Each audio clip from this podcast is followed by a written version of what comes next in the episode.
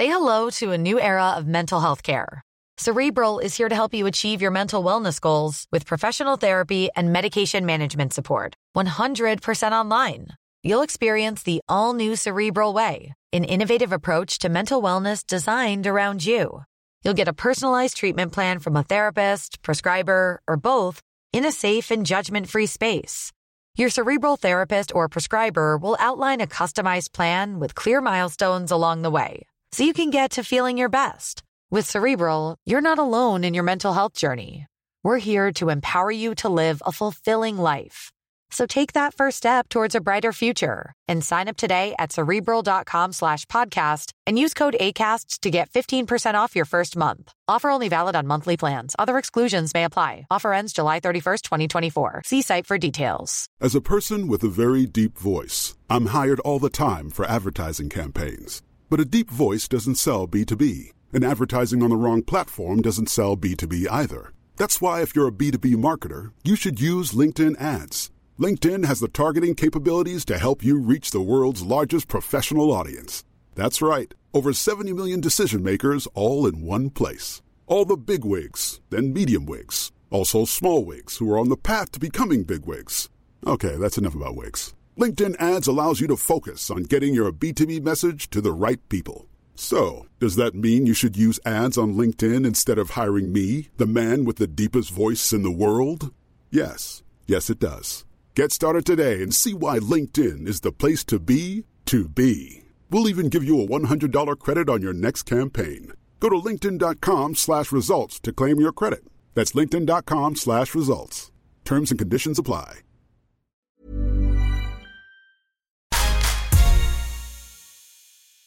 Idag pratar vi med Karl som, eh, vi kan inte säga vad han jobbar med för att det är preskriberat.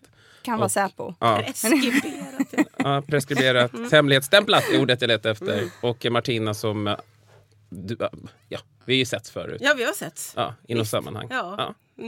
I morse? Eller? Nej, igår morse. Ah. vi jobbade i, Konstigt. Vi ses vissa månader. ja, och hänger. Ja. Hur skulle du beskriva Karl som pappa? Tänk att han inte är här. Som pappa. Ja.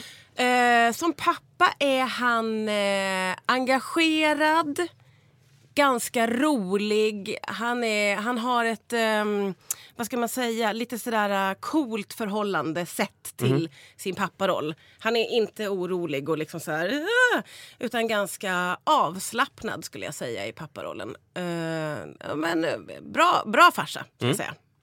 Mm, håller med. Självklart gör du det. Karl, hur skulle du beskriva Martina? Som mamma? Tina är nog också engagerad. Kanske till och med lite mer engagerad än vad jag är. Mhm. Eh, och eh, också lite mer angelägen om att, eh, att saker och ting ska vara rätt och göra rätt och sådär. Mm. Och en känslomänniska så att det tar sig uttryck i, eh, i kärlek men kanske också i någon enstaka höjd röst någon gång. Eh, Mycket känslor. Ja, Kodjo, du känner igen det också. Ja, ja, ja. Jag vågar inte ens titta i ögonen när du sa det. Jag bara, shit, Karl är modig. Ja, jag känner att jag blev lite rädd nu. kan ni berätta om er familj? Vi är tre stycken. Nej, fyra stycken är vi faktiskt. Ja, med, ändå säga. med Mona, Vem är den fjärde? Mona, hunden. Det var en hund. En Jack Russell Teak som är snart ett år. Ja. Eh, men annars, och så är det ju vi då och Juni som är sju.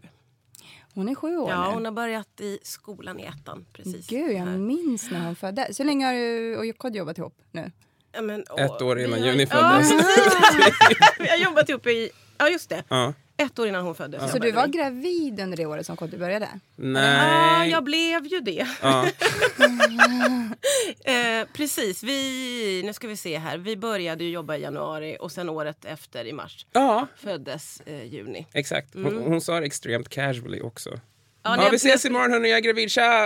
Ah, Ja, en sån. Mm. Gjorde ingen stor grej av det. Nej, precis. Jag kommer ihåg det. Jag var lite nervös också för att säga det minns jag. Var du? Ja, var jag. Varför då? Men man är nog, är inte man alltid det?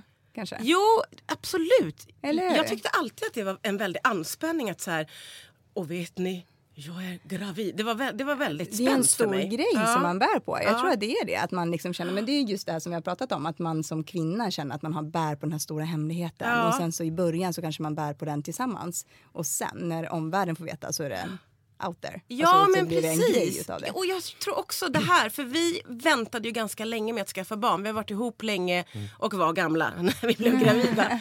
Och då tror jag också att det blev en grej för mig gentemot ja, men både familj och vänner. Mm. För jag, flera var så här, jag trodde inte du ville ha barn när jag berättade. Mm. Och, och det har jag egentligen aldrig sagt till någon, men folk har liksom fått för sig det för att det tog lång tid. Så det var också en sån här anspänning tror jag. Men, hade hur ni- upplevde du det Carl? Kände du så här, oh shit? Med graviditeten? eller? Ja, eller när det var dags att så här, outa hela grejen? Mm, Ja, just på grund av det där med att vi hade väntat så pass länge. Mm. Eh, men ja, jag vet inte. Det känns som att bara, alltså, det känns konstigt att säga det. Alltså vad, vad, i- vad innebär det? Och, och kanske lite mer som man också när man de facto inte har någonting där inne i magen. Att, eh, att säga, ja vi ska ha barn. Ja men det ligger nio månader bort eller åtta månader bort. Det, Det liksom- känns som hittepå det går ju inte att greppa överhuvudtaget. Det är nästan utomkroppsligt att liksom man ser sig själv säga det till folk och folk blir glada. Och vadå, hur ska jag reagera? Ska jag också vara glad?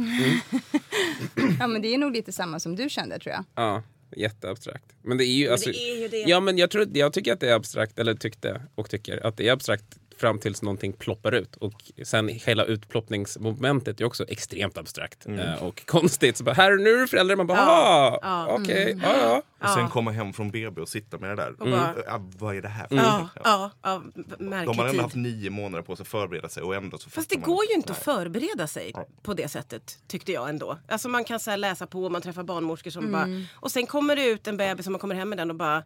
Eh, vad, var, vad, vad, vad, sa de nu om det här med att ha en bebis? Jag tyckte man började om på noll. Liksom.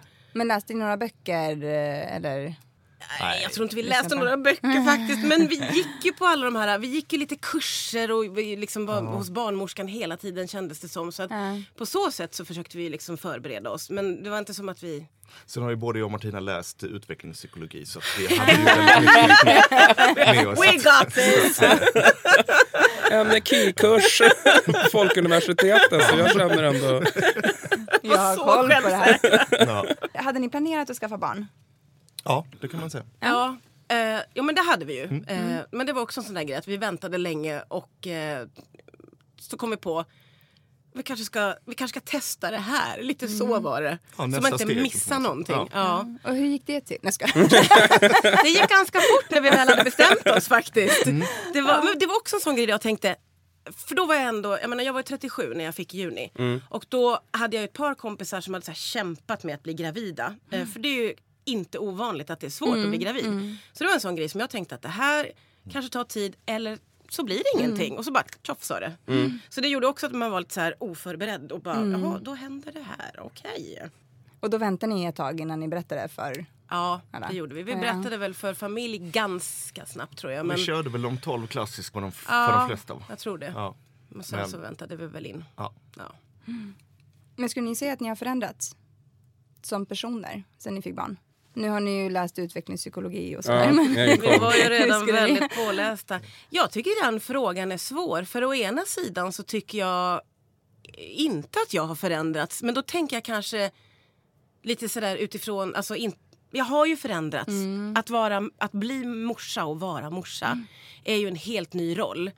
Eh, men sen kan jag se mig lite som att jag har en roll på mitt jobb där jag tycker att jag i mångt och mycket är li- lite likadan. Mm. Men i, alltså, och jag tycker att vi är egentligen samma i vår relation fast allt har ju förändrats. Jag tycker den frågan är lite svår. Mm. Ja, men den är svår för det är också en tidsaspekt i det hela. För nu har det ju gått sju år. Ja. Och det, man för- förändras ju ändå Absolut. under de sju åren. Ja, ja, men Eh, verkligen. Även om man inte har barn. Men känner du att du har förändrats? Är det Eh, samma där? Nej. Nej. du är exakt samma person som du var innan. Ja, nej, men som du säger med tidsaspekten så är det väl så att man kanske hade gått och lagt sig tidigt på kvällarna ändå utan barn. Eh, så att de förändringar där man tycker att man kanske har blivit eh, vuxnare och mer ansvarstagande. Det kanske hade skett ändå på grund av att man bara blir äldre. Eh, sen tror jag att den processen kanske snabbas på något när man får ett spädbarn där det är så otroligt tydligt att man har ett ansvar för ett, ett annat liv. Eh, men, men det är väl inte, eh, ja, jag tycker inte det är svårare än att ha en hund. Där hör ni. Era nervösa jävlar. Det är någon som är höggravid och lyssnar på det här bara, ja ja. Ja men då så. Man tänkte att det är som att ha en tax. Ibland är det till och med svårare.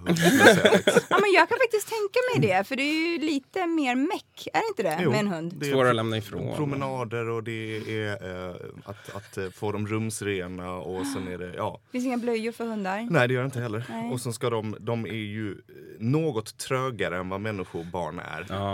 Eh, så att det är lite jobbigare i den där eh, Bara pyttelite. uppfostrings... ja, nej, men till de första veckorna så är fan hundar smartare. Men alla djur är väl smartare än människor de första Ja, veckorna. det är de, det är de. Vad fan, en bananfluga är färdigutvecklad på en dag och hinner dö liksom. Men, alltså, hur, men kände, ni liksom, kände ni att ni var tvungna att ta i, liksom, gå in i den här föräldrarollen? Då, liksom, när det väl var så att ni blev föräldrar? Att ni tänkte så här, men shit, nu är vi föräldrar och jag måste identifiera mig som det. Liksom. Nej. Nej, jag kände inte det. Jag kände jättemycket att jag fick ett helt nytt ansvar. Eh, och jag kände att jag var oförberedd på den där första tiden, spädbarnstiden. Att komma hem med en bebis eh, var chockartat. Och eh, jag kommer inte ihåg särskilt mycket från de tre första månaderna eh, som Juni var hemma. Alltså på riktigt så har jag nästan inga minnesbilder från det.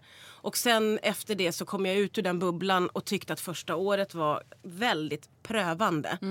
Eh, så det gjorde att jag fick så här, gå in i Ja, en slags ny... Jag vet inte om jag var så här, nu är jag mamma, men det var mycket som jag fick så här, lära mig att gå in i. Och liksom, Vem är jag? Ja, men precis. Och hur gör jag det här? Och, liksom, eh, och det tyckte jag var... Första året tyckte jag var ganska prövande på så sätt. faktiskt. Ja men precis, för det är ju en helt ny roll. Hur upplevde du det? Samma eller? Ja, jag tycker nog egentligen inte det. Eh, Det är, också en svår, det är som om, om hur man tycker att man själv har förändrats. Eh, Det är liksom, ja det får väl ens terapeut nästan svara på. Eh, Har du en sån? Eller ens partner. Ja, eller ens partner. Ja. Men Nej, gillade du första perioden eller tyckte du var, att det var så, ja, jo men, nej det ty jag tyckte inte det var roligt alls. nej. Nej. Så ni sprang runt i ett år och var Båda två olyckliga. tyckte det var tråkigt första året. Martina, Martina och jag var ju så smarta så att vi bestämde oss för att, att dela upp eh, föräldraledigheten tidigt. Mm. Eh, så att redan efter fem och en halv eller var det sex månader så tog jag över. Eh, och det har ju tidigare varit en ynnest för papporna att få en mer utvecklad varelse att ta ansvar för. Nu hoppade jag in med en sex månaders och det var ju, eh, ja, eh, jag förstår att, eh, att det inte alla tycker att det är jätteroligt den första tiden.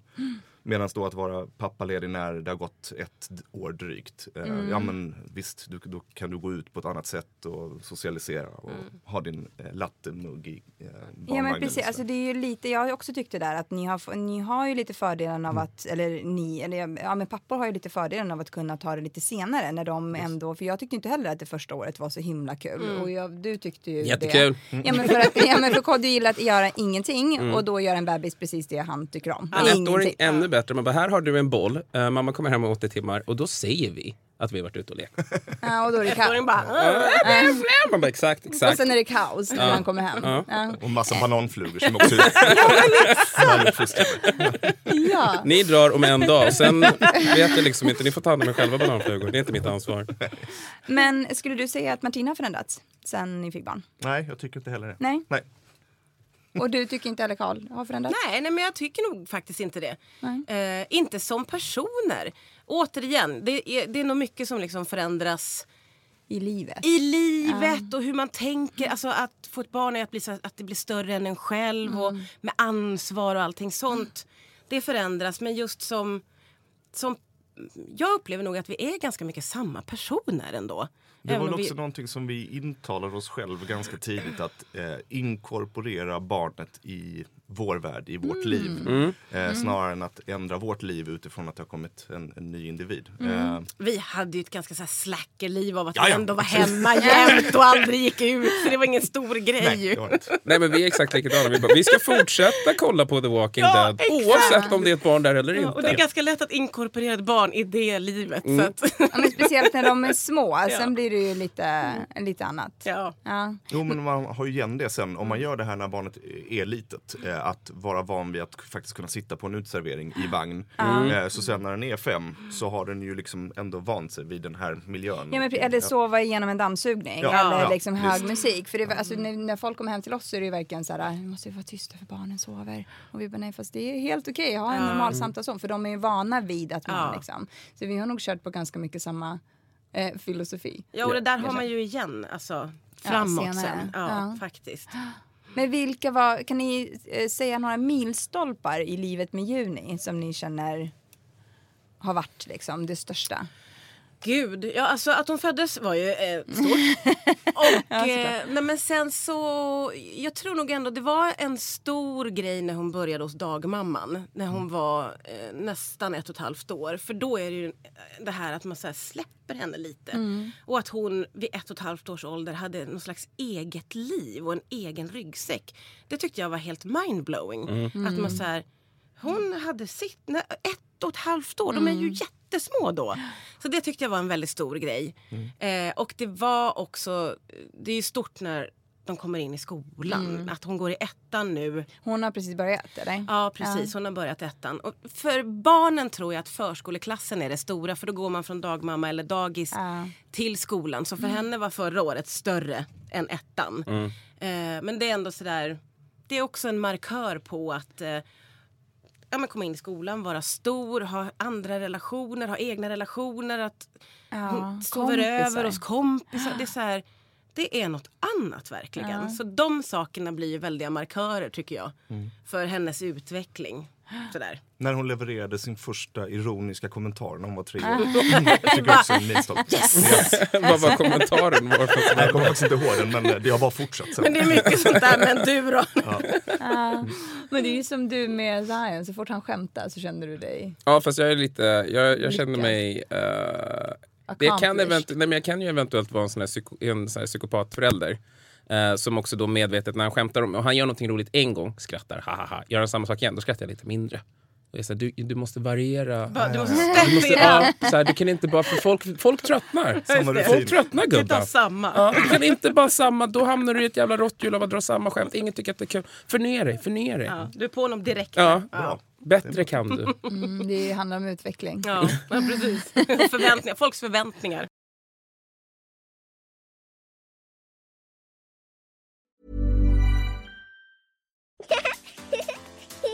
Too tired to clean your floors after playtime? Forgot to vacuum before your friends bring their little ones over? Let Eufy X10 Pro Omni help. Powerful 8000 PA suction removes debris, and MopMaster dual mop pads scrub away stubborn stains with ease. Save time and keep your floors cleaner. Want to know more? Go to eufy.com, that's EUFY.com, and discover X10 Pro Omni, the best in class all in one robot vacuum for only $799.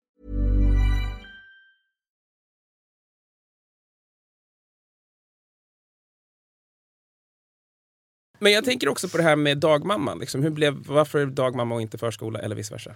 Eh, det blev av en slump för att vi fick eh, förskoleplats långt bort från där vi bodde. Eh, och det hade inte gått rent logistiskt. Vi bor i ett område med jättemycket barn och så fick vi plats långt bort. Och då, det var verkligen så här, en av oss måste sluta jobba om det här ska gå. Så då sökte vi med ljus och lykta efter alternativ. Och då hittade vi en kommunal dagmamma. Jag visste knappt att det fanns ens i Stockholm. Nej, det, det, det är nytt för mig också. Ja, men Ja. då finns det. Och det här Ah. var en underbar person eh, som hade, hon har sex barn hemma i sin stora lägenhet. Mm. Har jobbat i 15 år och eh, vi fick liksom komma på intervju hos henne. Aha. Och, Som att eh, ni sökte dit och inte Ja men lite så ni var det. För ah, hon var okej. så här, barnet måste passa in i gruppen och jag måste känna att jag funkar med föräldrarna. Oj. Ja, Vi och så- grejade. Ja vi Ja, det grejade. det. Tänk om man hade Ja. fått nej efter Ja, en sån grej. Man verkligen. bara, åh, är det fel på oss? Gud. Är det fel Ja, på barnet? eller? Eller någon Men, eh, obehaglig som är så här, slår ni med telefonkatalog eller toffla? Va? Eh, Nej, vänta. Stopp. Nej, så det var, hon var underbar och det var jättespeciellt eh, att ha Juni liksom en grupp om sex barn i alla år. Och att man får så här... Mm. Men det är dagmamma- varierande åldrar också. Ja, precis. Eh, Hon Okej. hade två i, valde, i varje åldersgrupp. Så det var två tvååringar, två treåringar, två fyra, sådär. Okej. Eh, och avvägt liksom med pojkar flickor. Det var alltså, helt fantastiskt att ha henne där. Också för att dagmamman så här, skickade MMS på här sitter Juni och målar. Man fick såna så här, Ja, personliga updates. updates. Som och, ett nyhetsbrev från ja, förskolan. Ja, fast från... ja precis. Ja. Så att, det har jag bara gott att säga om. Det var en slump som verkligen var så här, det bästa som kunde ha hänt Men hur oss. länge var hon där då? Eh, tills hon började förskoleklassen. Ja, så hon var där okej. tills hon fyllde sex nästan då. Eller fem. Ja. Men hur var det då när liksom steget kom från dagmamma till förskola? Det gick väldigt bra. Ja, hon var väldigt duktig den här dagmamman på att tidigt förbereda med, eh, ja dels så träffade hon andra dagmammor och deras grupper eh, för att, eh, för att liksom Så barnen skulle vänja sig vid stor grupp. Stor, Ja. precis. Eh, och sen så påbörjade hon ju processen nästan ett år i förväg. Ja, dels så försvinner ju de äldre barnen försvinner ju till förskolan och då kunde de prata och, och förbereda på det. Så Och att hon eh, hälsade på i Hälsade på, förskola. precis. ja, det var väldigt väl förberett. Så. För jag kände mig nervös över att Juni skulle gå från den lilla gruppen till stora klassen. Men det var liksom inga problem. Dessutom bytte ju Juni område så att hon gick Hon från att eh, känna alla sex jättenära till att eh, vara helt själv. Så att säga. Men det gick också Ja, det gick jättebra. Ja, vad skönt. Det Ja. låter som piece of cake. Ja, nej, men det, var, vi, ja, men det var en fantastisk dagmamma också som Ja. verkligen så var engagerad. Och det kändes som att hon verkligen brydde sig om barnen. Hon brydde sig om att förbereda henne inför förskoleklassen. Mm. Så det var så här, ja men det var fantastiskt. Och nu att börja skolan har inte heller varit några eh. Nej, nej, det har gått jättebra. Alltså, det är ju otroligt nervöst för föräldrar, tror jag. Alltså, jag har känt att det är, så här, det är en stor grej. Och som Karl säger, hon började i en klass där hon inte kände någon. Och att lämna på morgonen och vara så här, hoppas att hon får kompisar. Där, där kommer ju hela den här grejen in. Jag såg eh, ett par barn, vi har en skola precis nedanför oss. Och vi stod vid köksfönstret och kollade ut. Och så Som vi såg ofta jag, gör. Som vi ofta gör. med. Vi, sitter, vi, Vi står och med, vi observerar. Ja, titta på dem där nere. Nej men vi tittade ner, men i alla fall Zoe brukar vilja klättra upp och kolla på bussar och bilar som åker förbi. Ehm, och så såg jag en familj lämna av sina två barn eh, vid skolan. Så de stannade bilen och så gick barnen ut, kramade mamman och sen körde bilen iväg och barnen stod kvar. Och jag kände lite så här, hur vet de att de kommer gå till skolan? För nu har de lämnat dem utanför skolan. Och vad Men skulle hur- du gjort stalker mom? Hur gamla är barnen? dem, nej men jag vet inte. Vad, 18, 19. Det var deras gäng som lämnade av dem. Ja, men exakt. Nej, men, Vi ses imorgon vad- bror! Ja men vad, vad kan man vara när man börjar? Sju, åtta, nu höftar jag jättemycket men jag Man vet är väl inte. sju? Ja, men Ja men då av låter ju det jättekonstigt Ja, men för det är de- världens system är att man måste så här, kryssa i en lista och skriva i namn och... Alltså, nej nej, man- inget sånt. De, och de stod kvar så jag kände lite så här, jag ska stå kvar och kolla så att de kommer in i den här skolan så inte de bara du vet. Gick de in då? Nej jag vet inte, jag gick Nej, iväg. du orkade inte bry dig. Du bara, jag ska stå kvar! Nej, vänta, jag jag måste kommer Zoe. natten. Vänta, kan jag klättra ner från den? Mamma försöker hålla koll på andra barn också. Ja men jag kände lite så här, äh, det är inte mina barn så gick jag iväg och tog en kopp kaffe. Det Så- låter Nej, men alltså, det- jättekonstigt. Ja men och då tänker jag så här, det är ju hela, alla de här momenten, du vet, att låta sitt barn åka buss själv. Alltså jag vet inte hur man... eh, Nej, gud. Men man kanske går igenom andra grejer precis innan och liksom. Ja, och bara, äh, vi, vi är inte där. Nej. Vi har, liksom, Nej. vi har precis kommit till att hon får gå ut på gården själv. Vi har en innergård som är liksom inhägnad och känns trygg. Ja. Eh, och det får hon göra nu. Men eh, jag kommer inte få åka buss än på ett tag kan jag säga. Det, När du är 18, då får du åka buss hur mycket du vill. Då får du ha ett eget busskort. ja men bor inte ni på Söder också? eh, vi bor Söder om precis Söder. söder om Söder. Söder om Ja. Söder? Ah, Okej. Ja. Ja. för då, alltså, jag tänker också så här, inne i stan så är det ju lite mer läskigt skulle jag tycka. Ja, generellt jag. så har jag svårt att se att jag liksom vill släppa henne fri på så sätt. Nej men det är ju jätteansvar. Men hon har ingen sån här, för vår, eh, vem var det som hade en sån här klocka som man kan, som du har? Min kusin. Som är, alltså hon får bara ta emot samtal från de som är tillagda på kontaktlistan. Har Kodjo en sån klocka? Så att han Nej, men, Jag fick den från, från min fru. Så sa hon, "Ja, jag får ringa mina kompisar och så får de Din ringa mamma mig. får ringa. Jag får ringa Ja, det- det mamma, jag får ringa. Olga och sen får jag inte ringa någon. Nej, just det. ja, som ni vet, Kodjo Okej, svarar nej. inte för Du att måste ni inte är tillagda. Exakt, exakt. Jag står där bakom och kollar igenom. Nej, nej. P3, nej. Ja, nej men det finns ju såna. Eh, är det, kommer ni skaffa mobiltelefon eller så till juni? Ja, inte som hon liksom kommer att få ha med sig i skolväskan. Eller jag vet inte. Nej men än så länge så hem, lämnar vi henne Ja. och hämtar henne. Och då Och- checkar ni av på Ja den här precis. listan att hon har kommit in? ja men Ah, okej. exakt. Och, eh, och nu har vi en, vi bor ganska nära skolan men det är ändå sen lite att man åker lite buss eller lite bil. Eh, så jag har, ser inte att vi kommer att sätta henne själv på bussen nu. Det, Nej. Det, nej. Vad är det största orosmomentet med hela skolgrejen då? Ja men det är ju eh, barnen. De andra barnen? andra barn och Såklart. att vara i stor grupp och att eh, det, även om det... För jag menar, mobbing är ju en grej som man är rädd för. Även om det inte finns så finns det ju alltid ett bråkigt gäng. Eh, Barn som liksom inte kan sitta stilla. Som, för, alltså, det finns så många moment i en klass som kan störa och störa ut. Och, och det där är ju sånt som man känner att man inte kan rå över riktigt. Att, eh, Och då måste man som förälder släppa taget lite grann. Att det är lite, så man kan ju inte kontrollera den. Det är ju när omvärlden kommer in som det känns som att det blir läskigt. För då kan man ju inte göra...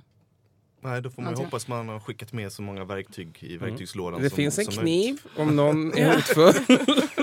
Ja, men det, här är, det är ju jättesvårt därför att om du, om du uppfostrar ditt barn till att bli väldigt älskvärd och att älska andra och eh, ja, nästan vara lite naivt blåögd så kommer den, det barnet bli väldigt utsatt sannolikt. Eh, men det är ju också Ja. det man vill skicka med dem. Ja, men man vill ju precis, inte men man skicka vill ju- med nej. dem slå tillbaka om någon slår dig. Nej, men God, det, ju. nej, nej.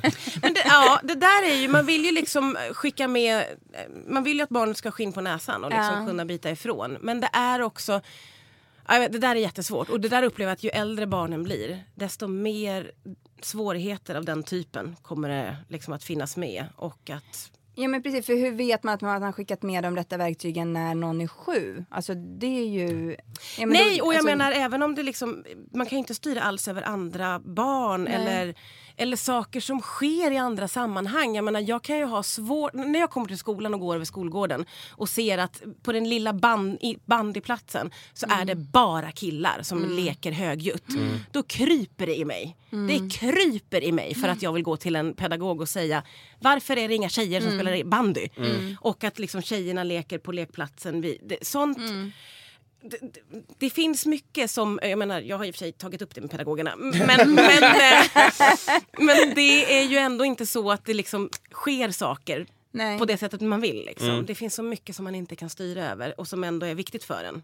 Precis. Men är ni alltid överens? Alltså så här, typ när du gick och pratade med pe- pedagogerna, var- liksom, var, var du med på båten Carl? och var så här, Alltså jag kan ta dem, inte du vill ta det. Så, eller ni- har ni en enad front alltid? ja, det har vi skulle jag säga. Mm. Utåt, utåt sett har vi allt, äh, även inåt sett. Ja, men för, så- för liksom, vi- tycker ju lika om, om den typen av... Alltså vi tycker att det är viktigt att, hon liksom, att, att Juni får bli exponerad för fotboll och bandy och klättra i träd.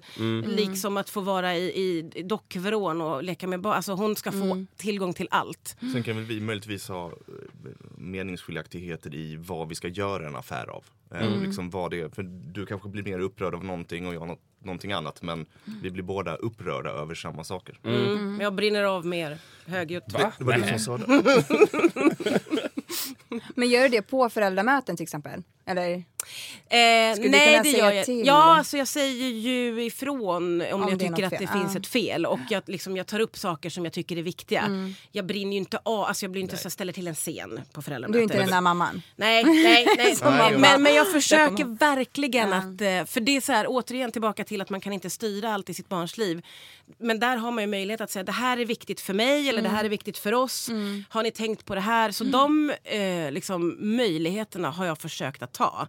För att det är det enda sättet du har att, så här, att tala för ditt barn och vad som är viktigt för dig. Liksom. Och det finns ju ett 30 föräldrar där som har olika saker som de brinner för. Så att, Jag får så mycket ångest när du målar upp den här bilden. Ja, det kom- blir bara värre och värre Kodjo. Det blir värre och värre. Men du ska ju, vi har ju ett föräldramöte på tisdag nästa vecka. Eh, jag kan inte, då. jag ska ju Exakt, en han, undviker. Du vill inte säga till om någonting på Nej, men jag klarar inte Nej, av, nej, jag klarar inte nej. av att sitta där. Jag, jag vill inte. Men däremot, och även om du gör det så skulle du nog inte säga någonting, även om du tyckte någonting. Det är Nej. det som är det... Jag skulle inte klara av det. Och kan alla föräldrar säga vad de heter? Bara redan där har jag ångest. Redan där får du ångest. Vad jobbar Du med grejer? Kan vi gå vidare till någon annan? Du skulle inte brinna av. Skulle Nej. du brinna av? Ja. Jag tror att jag ska, ja, men ja, ja, ja men jag faktiskt, men det, jag är lite likadan. Alltså jag tycker att när någonting är viktigt så måste man ju säga det. Mm. Ja. För annars vet ju ingen om det. Nej, men och eller då är hur? det ju ingen poäng att tycka Nej. att någonting är viktigt. Ja, jag ska Nej. inte peka ut någon, men det har funnits mammor som har skrikit saker och ting på le- förskolegården när folk har kanske gjort fel och sådär. Jag har inte skrikit. Jag sa inte att det var du. Menar du Martina? Nej.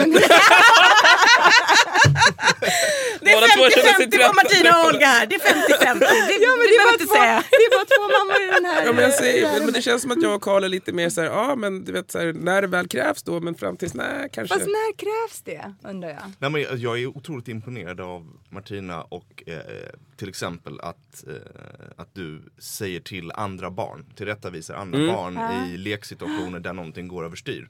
Där jag tror att de flesta föräldrar är oerhört nojiga över att liksom, stöta sig med andra föräldrar och så vidare. Men där det faktiskt har varit situationer där någon vuxen måste gå in och säga någonting. Och där jag drar mig liksom av någon sorts svensk blyghet för att göra det här. Word bro. Eh, och du faktiskt går in och liksom markerar. Ja, för det där är helt obegripligt för mig och jag markerar inte mot barn som jag bara tycker är störiga utan det här är situationer där ett barn är kanske en fara för de andra barnen eller ett barn som knuffar ner barn från rutschkanan. När ingen säger säger, till så blir det så här, hur kan man inte, det är ju en farlig situation. Ja. Där har jag inga problem med att gå fram och vara så här, men vad gör du? Ser du inte att? Eh, och i vissa, av dem- för det här har hänt ett par gånger. Eh, och i vissa fall kan jag se att det står en mamma eller pappa bakom som tittar ner i marken och man bara Ja men jag, och jag har en sån, ja, men jag förstår det till 100% och jag blev så himla arg på mig själv för bara någon månad sedan, kommer du ihåg när vi var i Mullemäckparken? Nu ska jag outa den här pappan Just som stod där. Nej men alltså helt, nej, men helt ärligt. Nej, men, och jag var så jävla arg för att jag inte sa någonting och jag kommer ihåg att jag och Kodjo vi stod och blängde på honom men vi sa ingenting. För det som och, hände var att Zion sprang, var, var, det är en stor lekplats och så sprang han och så var det en unge som åkte liksom på en sån här linbanegrej och åkte på honom. ja. Uh, var på pappan Men säger det är en typ hel folks- Ja men han alltså sprang ju i vägen barn. liksom, han Och får den väl här- skylla sig själv. Nej men grejen är att de här andra barnen som stod där, det var ju, de var ju äldre men det var en vuxen som stod med och jag hade vänt mig om i en sekund och så ser jag att Zion kommer emot mig och springer helt liksom, alltså helt smutsig och bara gråter och skriker för den här ungen har liksom kört på honom. Ja. Och då står den här pappan där bland alla barnen och bara tittar på och så springer jag fram till Zion och frågar vad som hände och så berättar han. Eh, och då är den här pappan så här, då, han bara, ah, ehm, han sprang i vägen för honom. Han är liksom två.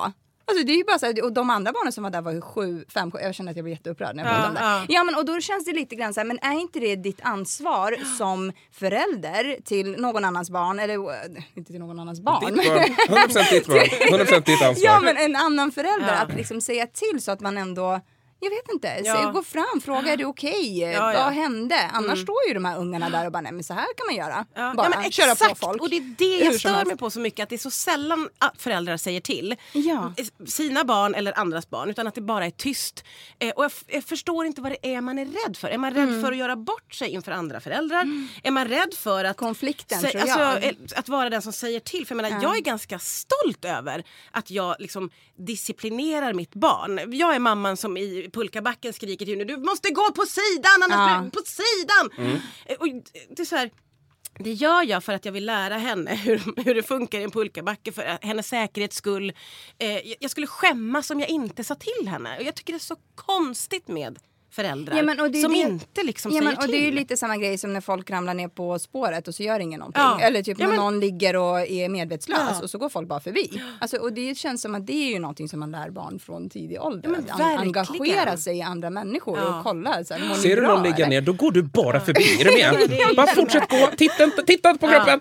Nej, det, det är märkligt. Det är otroligt konstigt och störigt. Men eh, vi brukar ju avsluta våra program med att ställa tio frågor som vi ställer till alla våra gäster. Eh, som ni ska få svara på eh, var för sig eller tillsammans. Jaha. Take it away. Ja.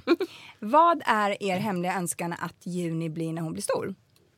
Åh, eh, v- vad är det för hemlig önskan? Det har jag inte ens tänkt på. En hemlig önskan. Eh, något kul och där hon tjänar mycket pengar.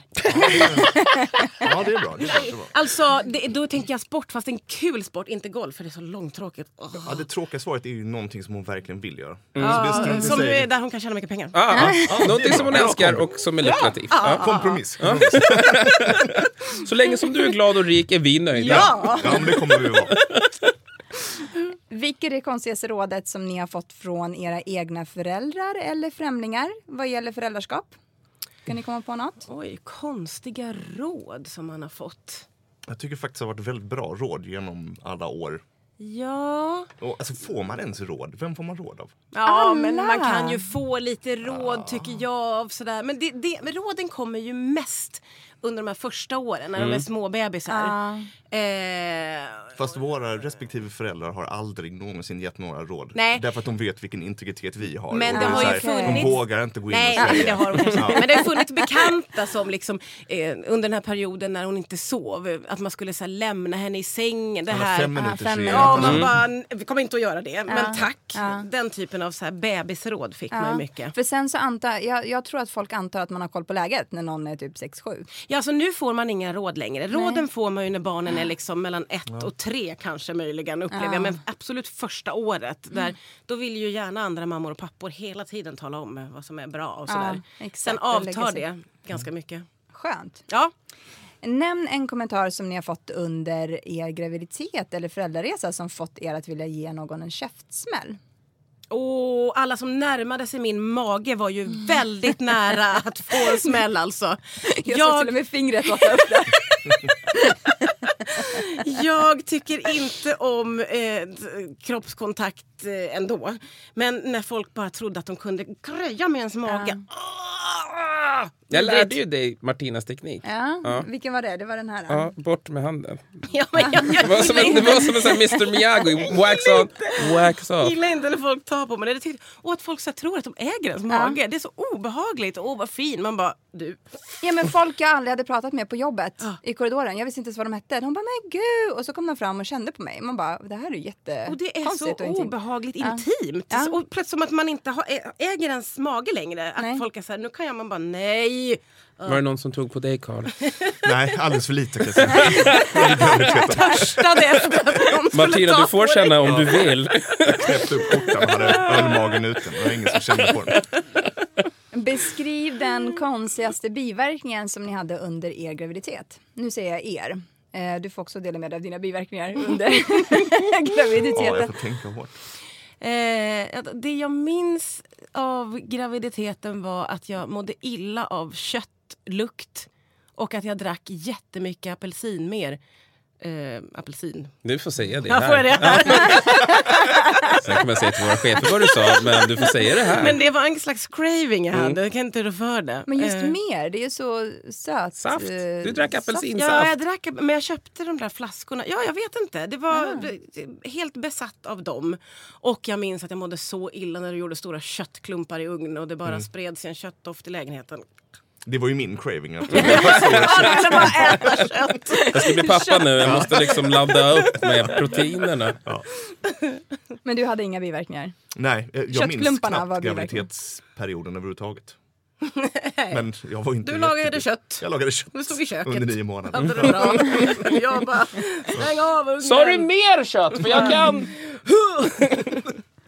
Vad var din första tanke när du såg ditt nyfödda barn? Vi börjar med Karl. Vad liten du är. Var nog första tanken. Mm. Ja, min första tanke var att hon såg ut som en boll för att hon, hon kröp ihop som en rund liten boll när de höll, höll upp henne. Liksom. Och att jag tänkte, undra vad det är, för jag såg inte om det var en tjej eller kille. Ni hade inte tagit reda på könet? Nej. Nej. Nej. Och sen såg jag att det var en tjej, då blev jag så glad. Ah, blev du också lika glad? Ja. Ja. Jag Vad blev jätte, jätte, säga? jätteglad. Bara, nej. Nej, jag ville ha en hund. Men vadå, du ville ju ha en drake till exempel. Ja, ja, ja. Men det är, det är min filosofi. Jag väntar fortfarande. Fortsätt drömma. Ja, tredje gången gilt. Vad var det roligaste under förlossningen?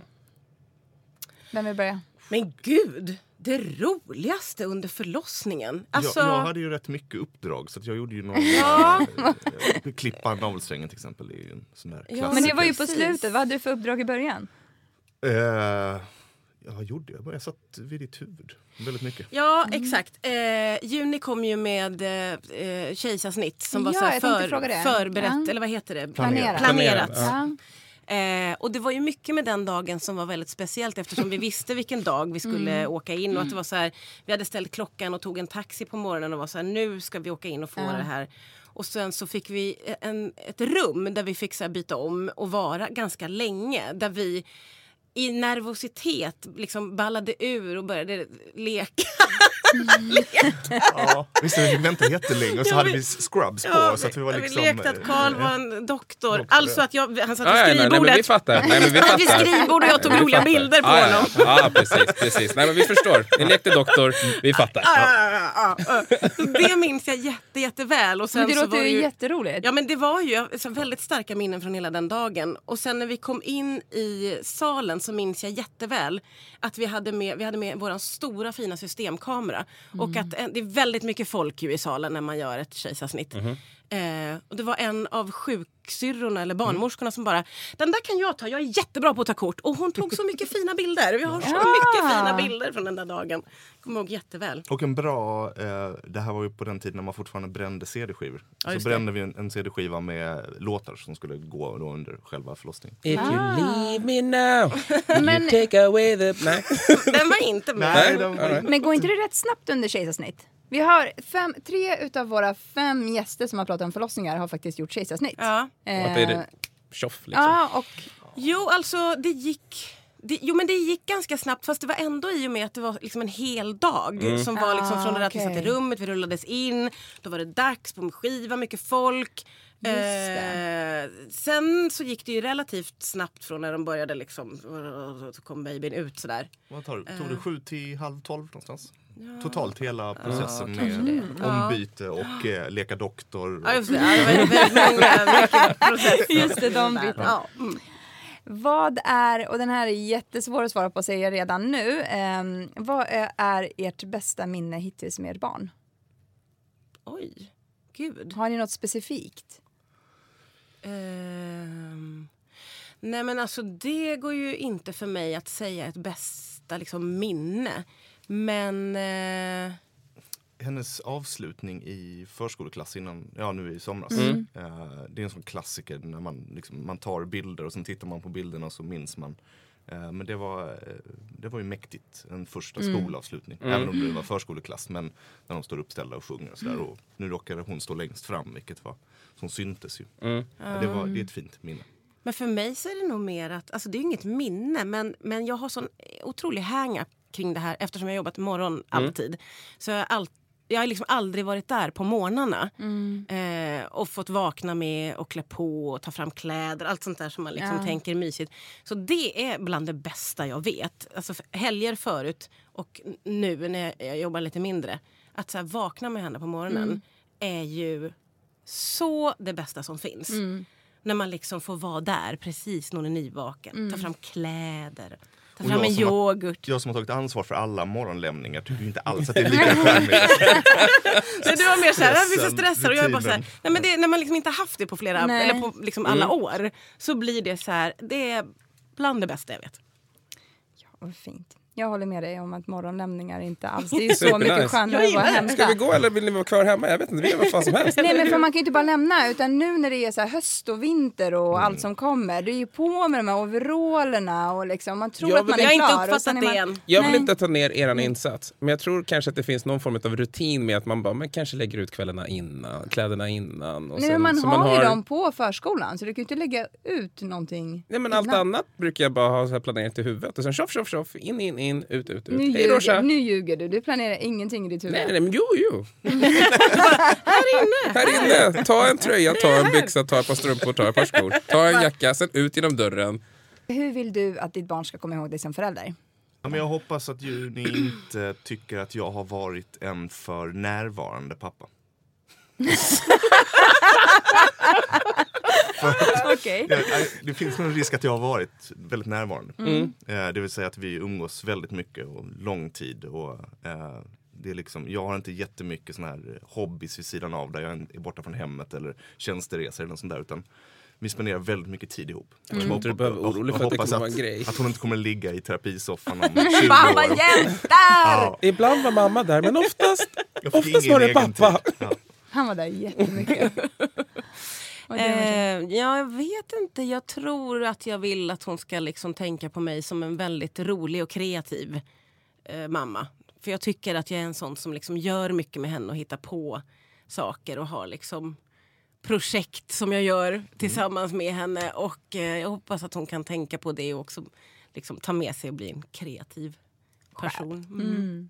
Om du skulle gå tillbaka till innan du fick barn och ge dig själv ett råd, vilket skulle det vara? Ja, alltså jag skulle nog eh, verkligen försöka ruska om mig och säga du måste förstå att den där första spädbarnstiden går över och det går dessutom ganska snabbt. För jag minns, eller som sagt jag tyckte det var jobbigt när hon var bebis och jag tänkte så här, ska det vara så här i 18 år? Man bara, nej. Jag fattade inte att det var liksom bara några Ja. månaders jobbighet. Man var så liksom uppslukad av hur tufft det var och det skulle jag verkligen försöka förklara för mig att det är en kort, kort period. Och sen går det vidare till liksom nya spännande saker. Jag skulle nog försöka trycka ännu hårdare på att eh, utnyttja ehm, vad heter det? Att, att man är bekväm som vuxen och människa. Eh, att i varje situation eh, lita på sin egen bekvämlighet. Att vi gör så mycket curling för våra barn eh, därför att vi tror att det är bäst för dem. Eh, Och att vi binder ris till egen rygg. Istället för att vara så här, nej men jag, det, ja, men så här, sluta med napp, ta det exemplet. Eh, ja men det är ju en jättestrid när man väl ska börja med det. Men om bekvämligheten handlar om att ja, men jag orkar inte gå upp tre gånger per natt och stoppa i nappen.